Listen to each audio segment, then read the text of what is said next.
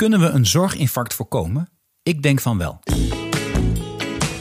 Dit is Slimme Zorg, een podcastserie van Ventura.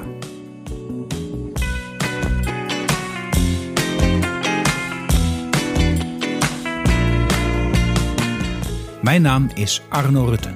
In deze podcast spreek ik bestuurders, specialisten en patiënten over de uitdagingen in de zorg. In ons vergrijzende land is het behouden van goede zorg voor iedereen een grote uitdaging. De vraag naar zorg neemt toe en verandert. Het aantal mensen dat zorg kan leveren kan niet toenemen. Als we niets doen, loopt de zorg vast in een zorginfarct. En daar maak ik me druk op. In deze podcast ga ik samen met mijn gasten op zoek naar de oplossingen waarmee we het zorginfarct kunnen voorkomen. Mijn gast van vandaag is Thomas van de Kastelen. Hij studeerde architectuur aan de TU in Delft en stortte zich daarna op de wereld van de e-commerce en de customer journey. Tegenwoordig optimaliseert Thomas met zijn bedrijf Awal Health zorgpaden, zodat multidisciplinaire teams in een optimaal proces naar steeds betere uitkomsten voor de patiënt toe kunnen werken. Dag eh, Thomas, eh, welkom bij, de, bij deze Slimme Zorg podcast. En het heel gaaf dat je er bent. Allereerste keer op afstand, dus ja, het is ook een beetje spannend of de techniek gaat doen wat hij zou moeten doen. Maar ik heb er vertrouwen in dat het, dat het lukt. Je hebt volgens mij ook wat moeten tweaken om de boel aan de praat te krijgen. Maar dit gaat Ja, ik, uh, ik ben blij dat in, in het kader van uh, de zorg ook, uh, ben ik blij dat ik vandaag het proefkonijn ben. ja, inderdaad. en, ik, en ik zie dat je, dat je um, de laatste keer dat je sprak, zat je in een soort bezemkast. Maar het lijkt er toch op dat je nu weer op, dat je nu weer op kantoor bent verschenen. Ja, ik zit, ik zit weer uh, sinds heel kort op kantoor. En ja. na twaalf weken afsluiting thuis in de, in de bezemkast inderdaad. Dus. het is me wat. ja, het ja. is me wat. Heel tof uh, dat je er bent. En voordat we aan, uh, met, aan, het, aan dit gesprek beginnen, wil ik even de luisteraars bedanken. Die in de en steeds grotere getallen zijn en ook steeds vaker een reactie achterlaten. Nou, laat die vooral binnenkomen. Dat houdt ons ook gemotiveerd om verder te gaan met deze, met deze podcast. Thomas, ik begreep dat jij ook een luisteraar bent. Klopt, klopt. Um, is zeer informatief, uh, hele leuke gesprekken. Dus uh, it beats Netflix. nou, ja, wie weet. Misschien hebben we nog wat stappen te zetten. Maar, maar dank voor het compliment. Um, um, maar dan weet je ook wat je, wat je nu te wachten staat. Namelijk de, de, de, de eeuwige vraag, de million dollar question. Thomas, wat is volgens jou slimme zorg? Ja, wel, in ieder geval uh, iets, iets helemaal anders dan wat het vandaag is. Um, en ik, ik zeg dat met opzet een beetje uitgesproken. Uh, misschien, misschien een korte caveat daar rond. Ik ben, ik ben zeer recent nog maar in de zorg gerold. Um, in, in tegenstelling tot de andere gasten die je op het programma krijgt. Dus ik bekijk het misschien allemaal vanuit een andere blik dan uh, de anderen die er al jaren in zitten. En dus uh, ook in de podcast ga ik misschien soms krasse uitspraken doen. Um, maar dat komt gewoon om, dat is een beetje met, omzet, met opzet uh, om, om het punt te maken. En dus vergeef mij het tijdelijke gebrek aan nuances soms. Maar om terug te komen op de vraag, het is wel zo dat doordat ik daar recent ben ingerold dat ik eigenlijk overal zaken zie waarvan dat ik mij afvraag van hoe komt het eigenlijk dat het zo is aangepakt. Uh, en vreemde, vreemde ogen, uh, ja, die, die, die kunnen ook dingen opvangen waar die al, anderen al lang overheen kijken. Als mensen hebben gewoontedieren en als je heel lang rondloopt in de zorg, ga je heel veel dingen misschien gewoon vinden. Waarvan jij als relatieve buitenstaander zegt van nou, ik heb ook andere inzichten. Ja, klopt. En, en zo is het een beetje gegaan toen ik in de zorg ben gerold, is ongeveer viertal jaar terug.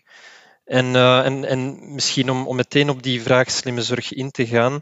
Uh, als, je naar, als je naar het macroniveau uh, kijkt, ik, ik, ik begreep eigenlijk totaal niet waarom die hele zorg georganiseerd was rond verrichtingen en, en rond consultaties doen en, en opnames en, en ingrepen en zo. Dus ik begreep het eigenlijk niet, want ik kwam uit een sector waar alles rond resultaat draaide en ik dacht dat het in de zorg ook zo was. Dus dat was eigenlijk mijn grote verbazing toen ik daarin rolde. In welke sector op... was dat? Waar je toen, uh, Wel, ik, ik, ben eigenlijk ik ben, ik ben dus architect van opleiding, maar uh, dat heb ik nooit gedaan, want uh, dat, dat, een gebouw bouwen dat duurde allemaal veel te lang. Dus um, ik ben eigenlijk in 2007 in de, in de e-commerce gerold en dan veel in online marketing gedaan. En waar ik toen mee bezig was, was heel veel optimaliseren van, van de customer journey. Dus mensen die dingen kopen online. Dus als je vandaag iets gaat kopen online uh, bij bol.com, dan, uh, dan zijn er eigenlijk permanent experimenten aan de gang om een pagina te gaan optimaliseren, om er eigenlijk voor te zorgen dat, je, dat jouw user journey zo, zo vlot mogelijk is, zo aangenaam mogelijk en uiteraard voor bol.com het belangrijkste dat jij zoveel mogelijk gaat kopen. En dus dat werk deed ik ook. Eerst voor mezelf, voor eigen e-commerce bedrijf, uh, maar die activiteiten heb ik verkocht en vervolgens ben ik dat gaan doen voor andere bedrijven. En dus wij hadden een, een multidisciplinair team. Uh, designers, uh, softwareontwikkelaars, uh, analisten en wij, wij, dachten dus dat de zorg ook zo georganiseerd was. Dat je, een multidisciplinair team had met artsen, verpleegkundigen, diëtisten, psychologen, alles wat je nodig hebt. En dat die eigenlijk in, ja, in een soort van patient journeys het eindresultaat in de gaten hielden. En dan eigenlijk elke stap aan het optimaliseren waren om een zo goed mogelijk resultaat neer te zetten. Ik was er echt van overtuigd dat het zo werkte. Nou, ze zijn er ook wel. Multidisciplinaire teams komen wel voor. Maar zijn er uitzonderingen? Ja, meer en meer. We zien ze meer en meer, absoluut. En, um, maar, maar toch, de, de, overgrote meerderheid van de zorg, en, en dan spreek ik wereldwijd, hè, want Nederland loopt een beetje voor op, uh, op de rest van de wereld op sommige vlakken. België is, is ook redelijk goed bezig, maar als je ziet, wereldwijd is die zorg toch vooral uh, fee-for-service uh, gebaseerd. Ja, je hebt, een, je hebt een, een medicus die doet iets en daar krijgt hij voor betaald. Dan trekt hij zichzelf in beweging en dan, dan gebeurt er iets. Zo, zo, zo moet je Klopt. het zien. Ja, ja en, en ik vroeg me ook af toen hoe dat hoe dat eigenlijk kwam. Hè. En um, ik heb daar een beetje een theorie rond. Ik, ik denk, hè, vroeger, uh, we zeggen in België meneer dokter, hè, meneer dokter, die wist het allemaal. Dus uh, we komen eigenlijk uit een enorm patriarchaal kader. Hè. Die, die, die dokter had er heel lang voor gestudeerd, dus die, die was eigenlijk alwetend. En we, hij, wat hij besliste was goed. En dus wat hij besliste dat er gedaan moest worden, ja, dat was een akte die hij verrichtte. En die actes moesten natuurlijk vergoed worden. Dus ik denk dat dat gewoon historisch zo gegroeid is dat, dat niemand de dokter in vraag stelde. En dat we dus op basis daarvan die dokter ook gewoon gingen, gingen vergoeden. Ja. En een, een, prachtig voorbeeld van, van waar dat patriarchale model um, eigenlijk ja, teniet, teniet gedaan geweest is, heel lang terug. Um, is een voorbeeld van uh, eind jaren 1800. Uh, een arts die heette Semmelweis in Wenen. En hij was, uh, het was eigenlijk nog voor de bacterietheorie van, van Pasteur. Ja. En hij had eigenlijk het overzicht op twee verlosklinieken. En Um, de ene verloskliniek waren er enkel artsen en assistenten actief. En in de andere verloskliniek waren er enkel vroedvrouwen actief. Mm -hmm. En in de verloskliniek waar de artsen en de assistenten actief waren, was er een mortaliteit van 13 à 18 procent bij de vrouwen door kraamkoorts. En bij die vroedvrouwen was er maar 2 procent overlijden door kraamkoorts. Dus een enorm verschil tussen de artsen en de assistenten aanpak en de vroedvrouwen aanpak. En dus hij had een, um, uiteraard een gesprek met zijn, met zijn baas toen der tijd. En zijn, zijn baas, een professor, die zei: Kijk, het ligt aan de ventilatie, het ligt aan, het ligt aan allerlei andere zaken. Ja, want wij zijn deskundig. Ja. Want hij is inderdaad de deskundige, klopt. Ja. En uh, Semmelweis die is dat toen verder gaan onderzoeken. En wat bleek, dus het, nogmaals, het was voor de bacterietheorie van uh, Pasteur. Um, en, en dus die artsen en die assistenten die behandelden kadavers in de ochtend uh, om onderzoek te doen. En dan gingen ze die, die vrouwen laten bevallen. En er was nog geen gewoonte om handen te wassen. En dus Semmelweis had dan voorgesteld, jongens, als we nu eens onze handen wassen tussen het behandelen van die kadavers en het, en het doen van de verlossingen van die vroedvrouwen. En, en dus van de ene dag op de andere dag is die mortaliteit van 18% ook naar 2% teruggevallen bij die artsen en assistenten. Dus dat is eigenlijk value-based healthcare avant la lettre. Hè. Mm-hmm. Uh, hij heeft eigenlijk een procesverandering doorgevoerd en die outcomes zijn van de ene dag op de andere dag volledig veranderd. Maar uiteindelijk is Semmelweis in het uh, gekkenhuis terechtgekomen en is daar gestorven in het gekkenhuis. Dat waarom? wens ik jou toch niet toe, uh, Thomas? Nee, maar waar, waarom is hij daar beland? En, en, dat is eigenlijk de moraal van het hele verhaal. Want het, sorry dat het een beetje een lang verhaal is. Maar, nee, het is een ehm, goed verhaal. Hij, hij, heeft, hij heeft dan uiteraard die, die procesverandering die hij daar heeft, heeft, heeft, heeft gerealiseerd in, in, in zijn verloskliniek, waar hij natuurlijk wijder verspreiden, want eh, de, de praktijk om kadavers te behandelen was gewoon in, nog, nog de, de, de normale praktijk eh, ergens anders.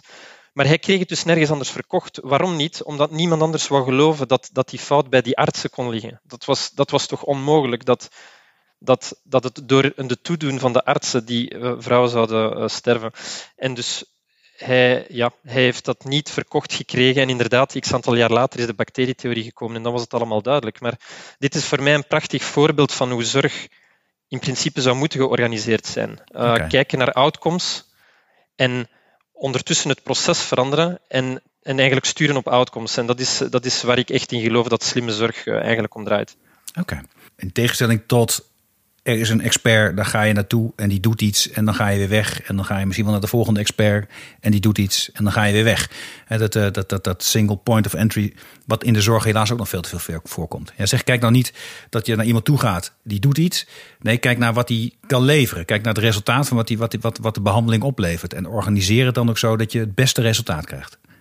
Ja, absoluut. En, en en het gaat over veel meer dan wat dat individu kan. Vaak is het ook wat het, uh, wat het hele team uh, tezamen kan. Dus uh, er is onderzoek dat aantoont bijvoorbeeld dat in, in palliatieve trajecten, dus als een... Ja, de laatste levensfase dus ingaat. Ja. laatste levensfase inderdaad ingaat. Er is onderzoek dat aantoont dat hoe vroeger je over de dood praat met die persoon, hoe langer dat die leeft. Ja klopt. Dus dat is opnieuw een, dat is misschien contra-intuïtief en tegelijkertijd ook niet, want dat, dat is iets wat, wat in het achterhoofd van die persoon waarschijnlijk aan het, ja, aan het graven is.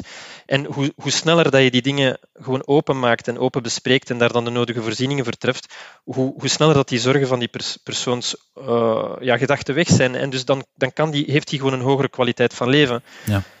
Maar dat is opnieuw een hele domme procesverandering. Het is, dit is geen eh, robot, geen robot die wordt geïnstalleerd, die miljoenen kost. Dit is gewoon ervoor zorgen dat als die diagnose palliatief er is, dat die, uh, dat die psycholoog een gesprek heeft of, of, de, of de sociaal verpleegkundige een gesprek heeft met de patiënt en, en de familie. Dus, dus het, gaat, het gaat echt over dat hele team en niet dat, niet dat individu.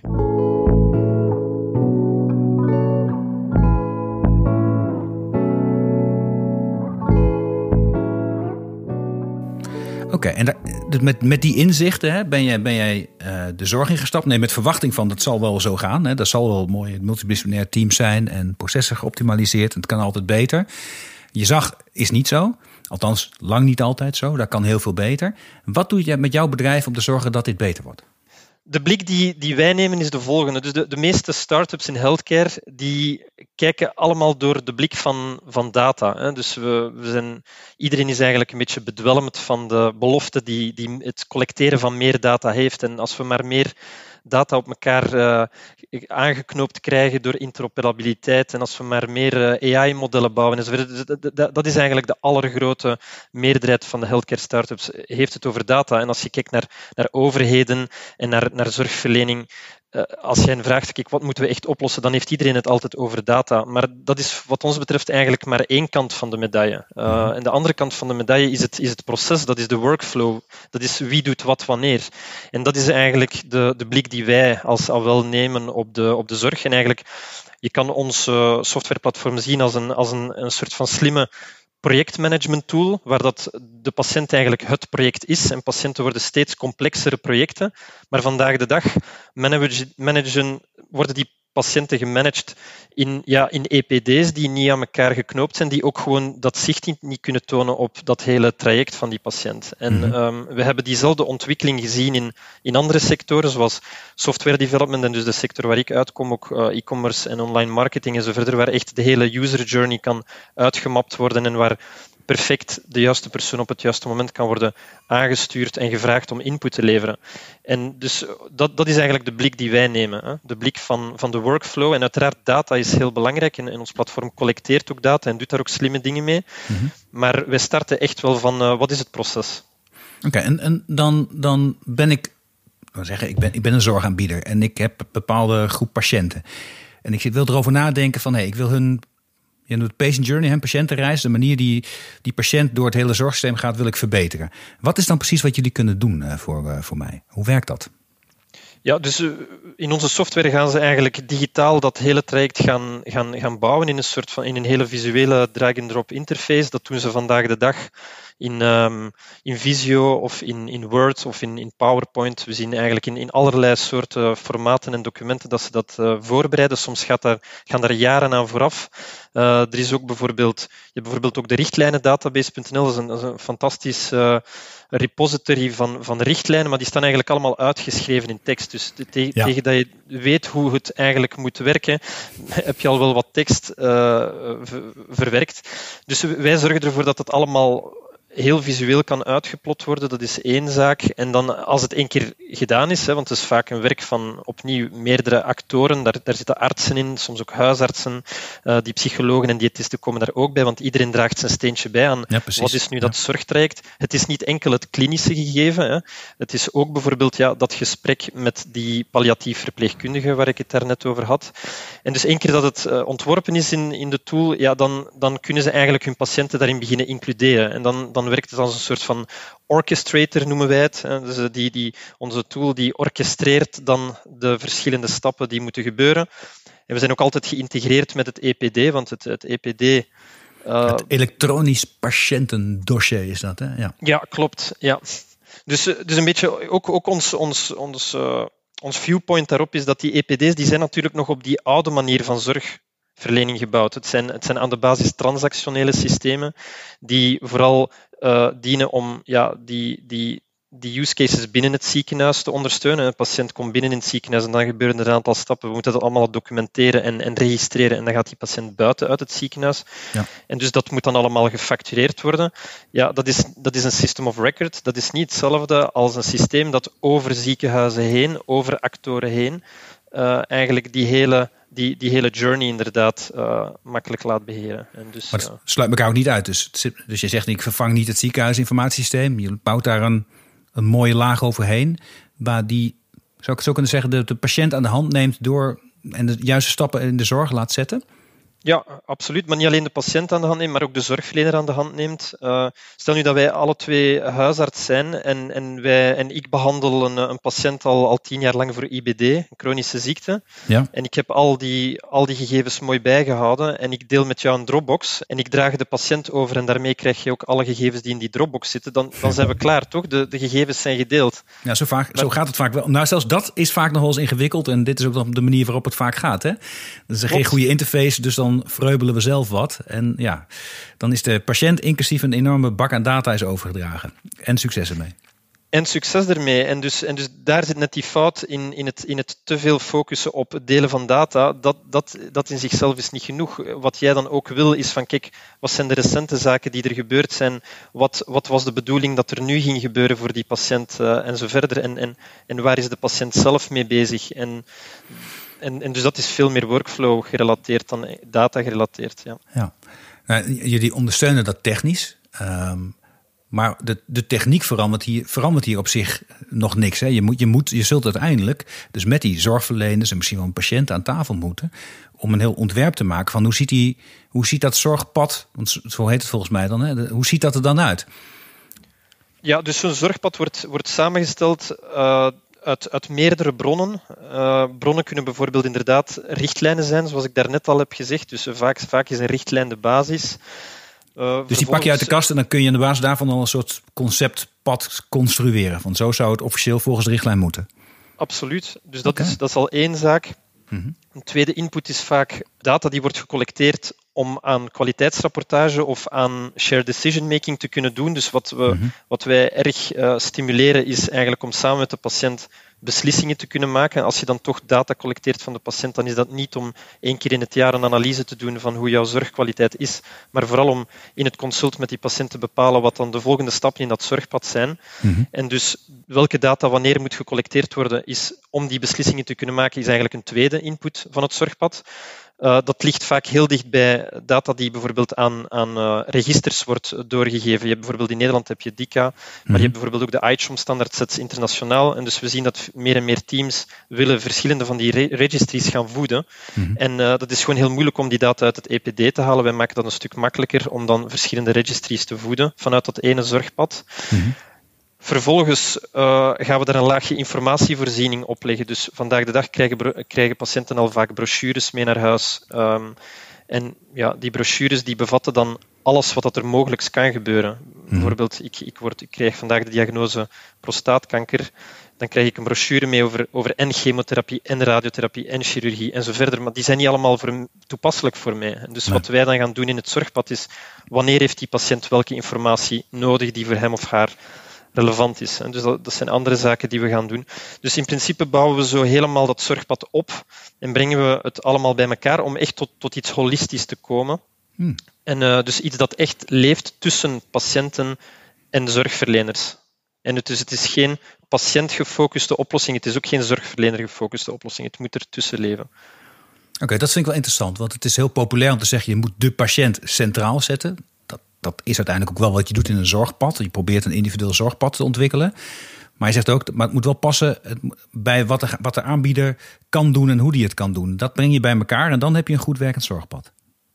Ja, ik ga, ik ga misschien opnieuw weer een, eh, een contrarian view hier uh, uh, bijbrengen. En, en daar, hier ga je misschien heel veel comments op krijgen, en, en ik ook. Maar nou, anders, dan, anders is het maar saai als we het allemaal met ja. zijn. Dus kom erop. Nee, dus wij, wij vinden helemaal niet dat die patiënt centraal moet staan. Uh, Oké, laat, laat me dat even uitpakken.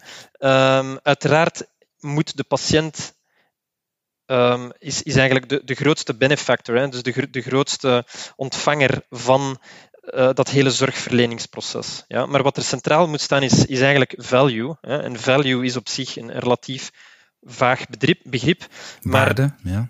Ja, waarde inderdaad. Hè? En, maar die waarde die vertaalt zich ook naar ja, wat levert het nu op voor de samenleving en wat levert het op voor mijn, voor mijn medisch team? Want we zien dat er steeds minder volk voorhanden is om die zorg geleverd te krijgen. Betekent meer en meer burn-outs, meer en meer klinici die achter de feiten aanlopen. Wel, wij vinden dat een oplossing, een digitale oplossing, dat die dat probleem ook tegelijkertijd mag aanpakken en niet enkel die patiënt centraal moet zetten. Mhm. Ook het, het beeld van de patiënt centraal is in mijn ogen een beetje het beeld dat die patiënt in een zetel zit en dat alles rond hem of haar wordt gedaan. Mhm. Dat is een verkeerd beeld. We vinden dat die patiënt in een cirkel zit rond die waarde. ik ben het nu mhm. in, de lucht aan het tekenen, kan je natuurlijk niet zien op die podcast. Maar, nee, maar je hebt het nu verteld, dus nu kan iedereen het voor zich zien. ja, dus in, centraal zit die waarde en, en in die cirkel daar rond zit die zorgverlener en, en het ziekenhuis uh, en, en, die, en die huisarts en die, en die medicatie die toegepast wordt, et cetera. Maar ook de patiënt die zit ook in die cirkel, want die patiënt die moet ook een stukje zichzelf goed informeren en, en ook gewoon die data, uh, uh, die data gewoon ingeven. Want het is dankzij die data, die, die, die wel zeer belangrijk is, dat er dan uiteindelijk bepaalde conclusies kunnen getrokken worden dat een bepaald zorgpad voor een bepaald type patiënt beter, beter is, waardoor dat dus die zorgverlener het telkens gaan, kan gaan optimaliseren. En als je het zo zegt, dan zeg je dan is waarde eigenlijk dat, dat, ligt daar waar je het optimum vindt. Van wat, voor de patiënt nodig is. En wat voor degene die zorg levert uh, prettig is om te doen, haalbaar is om te doen. Um, um, nou, realiseerbaar is. Die wereld, als die werelden bij elkaar komen, dan heb je een bepaald optimum en dan creëer je de waarde. Ja, absoluut absoluut. En het is heel belangrijk, het is een iteratief proces. Hè? Dus onze, onze zorgpaden die, die kunnen eigenlijk eh, heel light live gaan. Hè? Dus heel mhm. light met, met weinig zaken. Maar wat we zien is dat alle teams die met ons zijn beginnen werken, dat die eigenlijk permanent hun zorgpaden hebben geoptimaliseerd en bijgewerkt op basis van de realiteit. En dat is denk, denk ik ook een heel belangrijk gegeven. Mm richtlijnen en zorgpaden die vandaag de dag op, op papier worden ontwikkeld, die, daar, daar, gaan hele lange trajecten aan vooraf en dan worden die geschreven en dan, dan, dan staan die daar op die website of in die pdf en dan wordt dat eens uitgeprint en aan de muur gehangen, maar het zijn geen levende, het zijn geen levende systemen.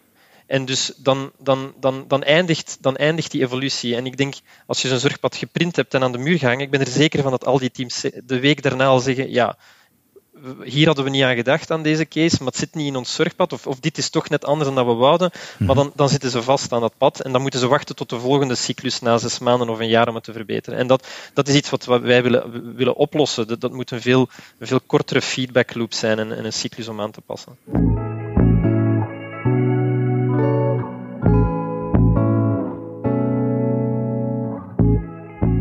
Ik ga even terug naar iets wat je, wat je, wat je net zei over hoe je in zo'n zorgpad, hoe belangrijk het ook is dat je ook de juiste informatie op het juiste moment, op het juiste niveau misschien ook wel, hè, wat, wat toepasselijk is voor die patiënt geeft. En dat die patiënt daar dan mee aan de gang, gang kan gaan voor samen beslissen. En waarbij samen beslissen dan ook niet een lui proces is waarin alles naar de patiënt toekomt. Hè, maar die, dat is ook een werkproces. Daar moet je ook als patiënt zelf in investeren. Maar op uh, dat, spreekt, dat spreekt mij enorm aan. In de vorige podcast hadden we dokter Marcus Oei, die heel erg zei van ja, data is niks. Ik heb data en context nodig. Ik kan heel veel en ik moet die patiënt zien. Dan kan ik de juiste informatie meegeven aan die patiënt. Kan ik hem naar huis sturen. En als we dan terugkomen, dan nemen we samen een beslissing over de, over de volgende stap in de behandeling. Dat hoor ik jou eigenlijk ook zeggen. Maar wel dan weer gefaciliteerd met, met jullie software. Op welke manier krijg je nou voor elkaar dat je de juiste informatie bij de juiste patiënt krijgt? Ja, dus dat is een, dat is een hele goede. Um, en laat ons zeggen dat dat, dat is opnieuw een continu proces om dat bij te schaven, maar je start eigenlijk vanuit een template. Ja? Een template zorgpad, waar je zegt van kijk, we weten ongeveer dat 80% van onze patiënten hiermee redelijk goed afgedekt wordt. Ja.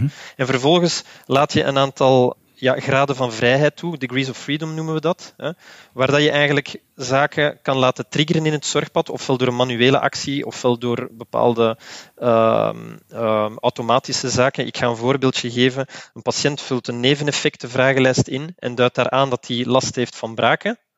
Ja, wat ons systeem dan zal doen, dan gaat hij meteen daarna een tip sturen naar de patiënt. En die tip is uiteraard voorbereid door, door, door de specialisten. Ze hebben gezegd, kijk, als die patiënt braakt en die zit op dat of dat product, uh, die of die chemotherapie, dan moet die tip gestuurd worden. En tegelijkertijd kan bijvoorbeeld ook een bericht gaan naar de huisarts, zodat de huisarts ook weet, kijk, patiënt zit op die chemotherapie en heeft net een uh, neven, nevenwerking braken uh, gerapporteerd. En we hebben alvast deze tip naar de patiënt gestuurd. Als die zich bij u komt aanmelden, dan kan u dit en dit doen als verdere stappen. En zo hou je die patiënt eerst goed als, als actieve actor met, met die mhm. relevante tip. Het gaat veel verder dan samen beslissen. Dus het is echt al een soort interventie haast. Dat je op de juiste momenten ook de juiste informatie niet alleen naar de patiënt stuurt, maar ook naar andere belanghebbenden in dat zorgpad.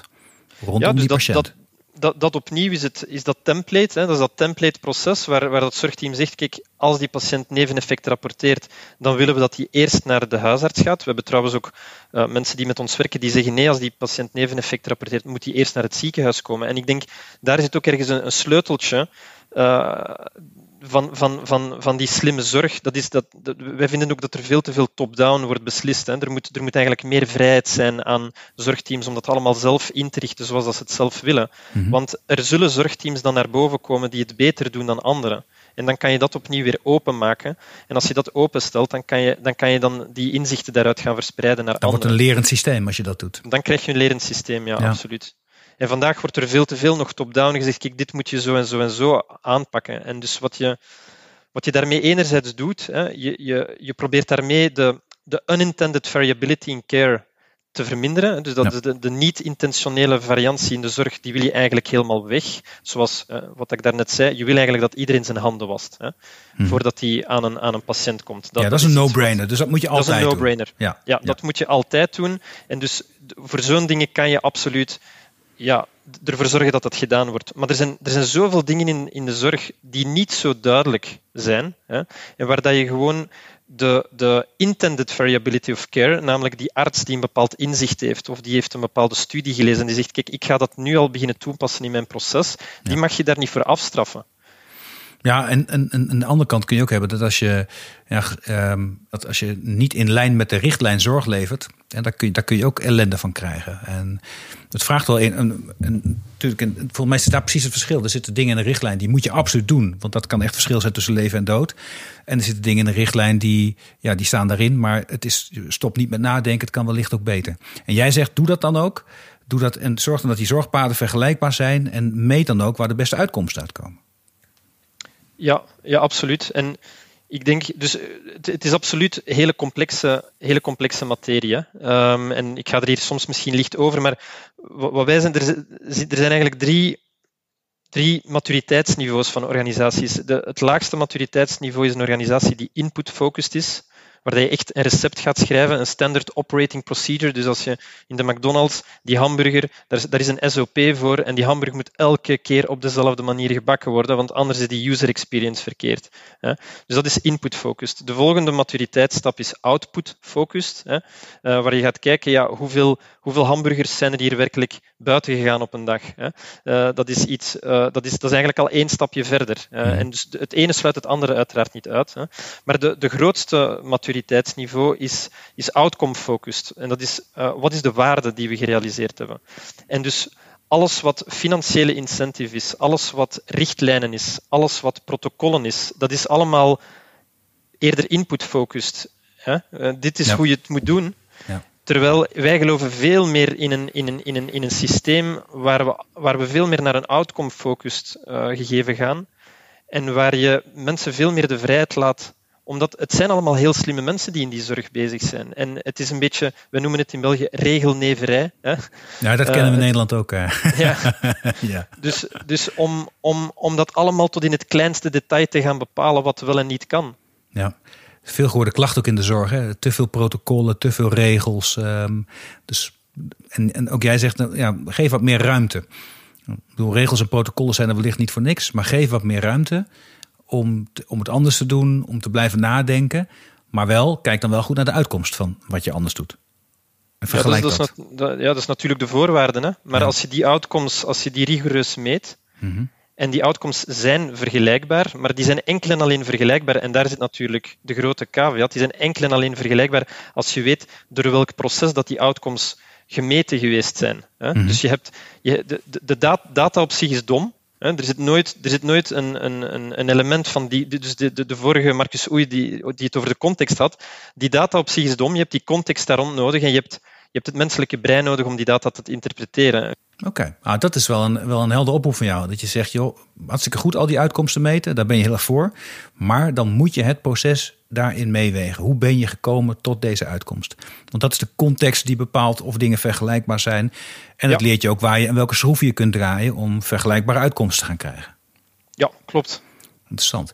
Dus uiteindelijk zorgpaden maken is niet alleen nodig om te komen tot betere zorg, maar is ook nodig om te kunnen om de uitkomsten goed te kunnen vergelijken.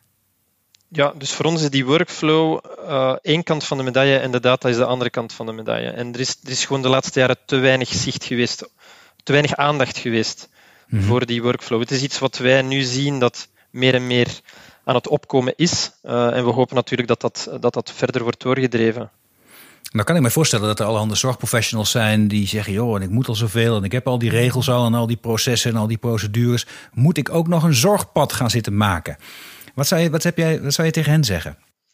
Ja, wel, dus er zijn, er zijn meerdere redenen. Hè. We zien dat de, zorg, de mensen die zorgpaden met ons hebben geïmplementeerd, dat zij als, als, als team of als individu productiever worden. Okay. Dat betekent eigenlijk heel simpel dat ze ja, meer patiënten kunnen zien op dezelfde tijd dan, dan vandaag. Dus hmm. zelf al blijven we in een, in een, in een verrichting gefocuste zorg uh, incentivering zitten, dan, dan, dan winnen ze er ook al bij, want ze zullen meer verrichtingen kunnen doen met dezelfde tijd. Dus daar, daar alleen voor zouden ze het moeten doen.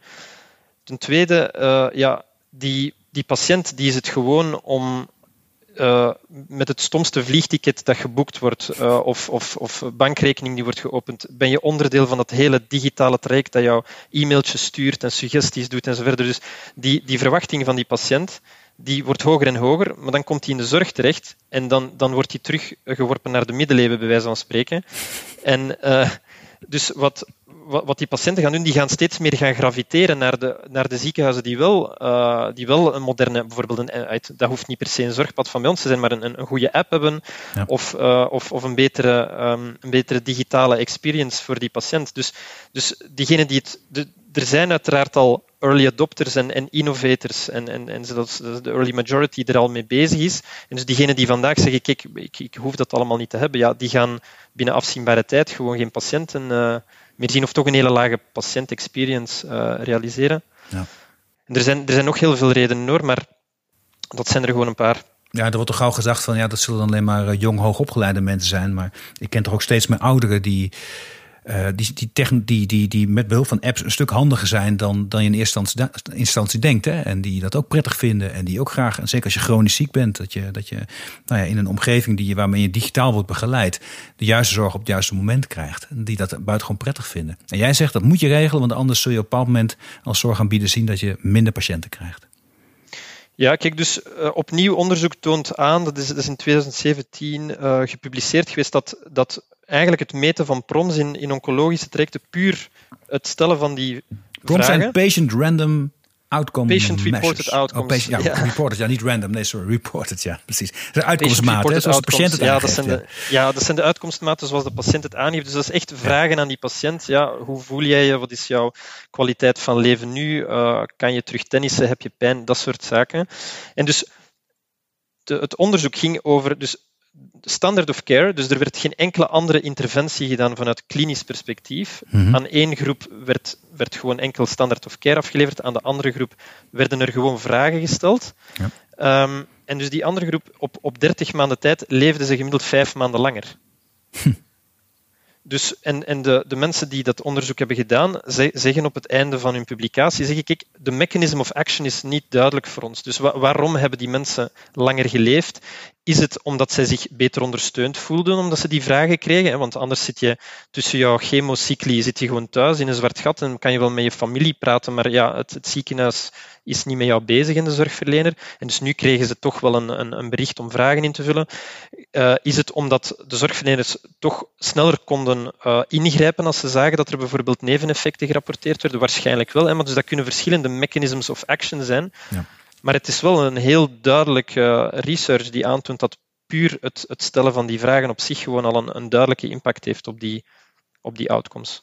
Dat is indrukwekkend hè? voor dit soort overlevings extra maanden overleving uh, worden vaak ook medicijnen die uh, tot wel 100.000 euro per keer kosten voorgeschreven. Dan is een invullen van vragenlijsten toch een laagdrempelige en ook een prettige interventie die je kunt doen. Ja, en dus dat is eigenlijk nog een punt waar wij van overtuigd zijn. Dus naast data is er een enorme focus van, van, van zorgverleners en van ziekenhuizen om, om toch maar de laatste nieuwe innovatie binnen te halen. Hè. Omdat er is dan opnieuw die belofte van dat, dat zal de silver bullet zijn die het hier allemaal gaat oplossen. Uh, voor ons ook, ook trouwens, het is, het is eigenlijk ook gewoon in alle andere sectoren. Hè. Er is een ongelooflijke drang naar innovatie en wat is er nieuw. Ja, dat is menselijk. Um, dat is heel menselijk. Wij, wij, wij, wij, halen heel weinig pers, want met ons plat, wij zijn geen AI. Hè. Wij doen niks met wearables of IoT, we zijn ook geen smartphone-app. Eigenlijk, wij, wij, Helemaal niet sexy, nee helemaal niet sexy. We hebben gewoon een, procesoptimalisatieplatform. Maar kijk naar wat die Semmelweis deed met zijn handen wassen. Kijk naar, die, naar dat palliatieve gesprek. Kijk naar die vragenlijsten die die mensen invullen en langer leven. Dat zijn allemaal dingen die niks kosten. Of heel weinig kosten. Dat zijn pure procesoptimalisaties. En er is, er is een, een, eh, een, eh, een Brit, um, Sir Muir Gray, uh, hij heeft ook lang in uh, healthcare gewerkt, die, die, die gezegd heeft dat als we nu gewoon allemaal stoppen met innoveren, maar gewoon consistent toepassen wat we al weten, ja, dan lossen we het probleem in de zorg op. Hm. Interessant. Ik heb het over politiek. Toen ik nog Tweede Kamerlid was, en, uh, heb ik wel eens voorgesteld aan mijn fractie van joh, we kunnen inderdaad ook een innovatiepauze inlassen van een paar jaar. Dan, uh, dat, dan, dan, dan blijft de standard of care zoals hij nu is. Maar dan hebben we wel financieel en boeken we vreemd genoeg een hele grote winst. En dat voelde toch heel onaangenaam. Want die innovatie is ook iets. Nou ja, we willen toch op zoek naar die laatste innovatie om die patiënt uh, te kunnen redden die nu niet, uh, niet kan blijven leven. Het is heel menselijk. Dus het, is, het voelt heel erg contrair als je zoiets doet. Wel, het is, het is natuurlijk inderdaad heel menselijk om te blijven evolueren. Hè. Stilstand is achteruitgang. Dus, dus eh, ik, ik zou niet uh, pleiten voor een, een, stilstand van innovatie. Nee. Maar het wordt te veel verkocht als uh, de heilige graal. Hè. Als we maar blijven innoveren, dan lossen we het op. Terwijl achter ons is er een, een, een heel Hans en Grietje kruimelspoor van, van lekkere snoepjes die we, die we eigenlijk ook eerst kunnen opeten voordat we naar het, naar het peperkoekenhuis lopen. Hè. Ja, dat is een beetje een verre metafoor. Maar... Nee, dat is heel mooi. Thomas, je weet maar nooit wat er gebeurt. Maar stel, jij, wordt, uh, jij wordt, uh, je krijgt een belletje uh, van, de, van de premier en die zegt... Thomas, we hebben erover nagedacht. Jij moet de nieuwe minister van Volksgezondheid in België worden. Wat zou dan jouw... Stel, je zegt ja. Daar ga ik dan stiekem een beetje vanuit. Wat zou dan het eerste zijn wat je, wat je zou aanpakken?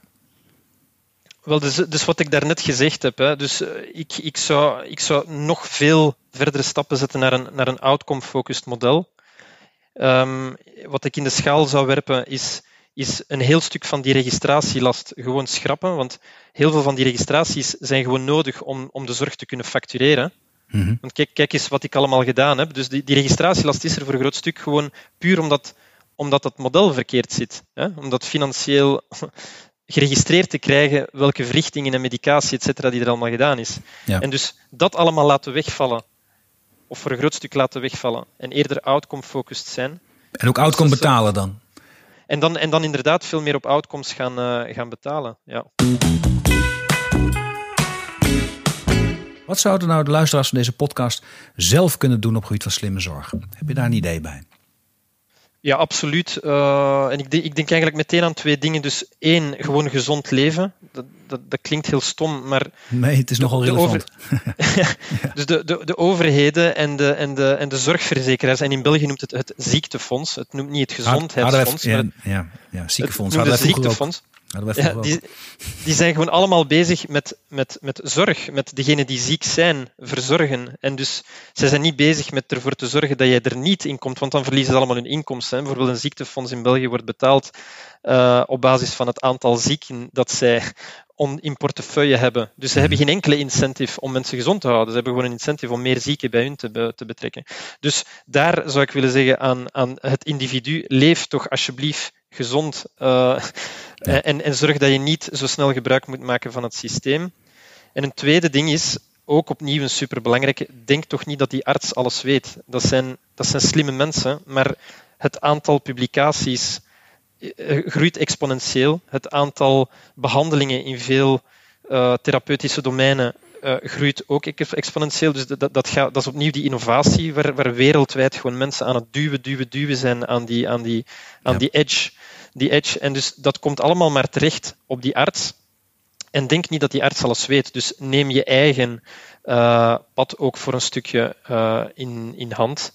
En um, en, en, en, verwacht niet dat die arts voor jou die beslissing neemt, maar neem ze samen. Vraag dat ook gewoon aan die arts.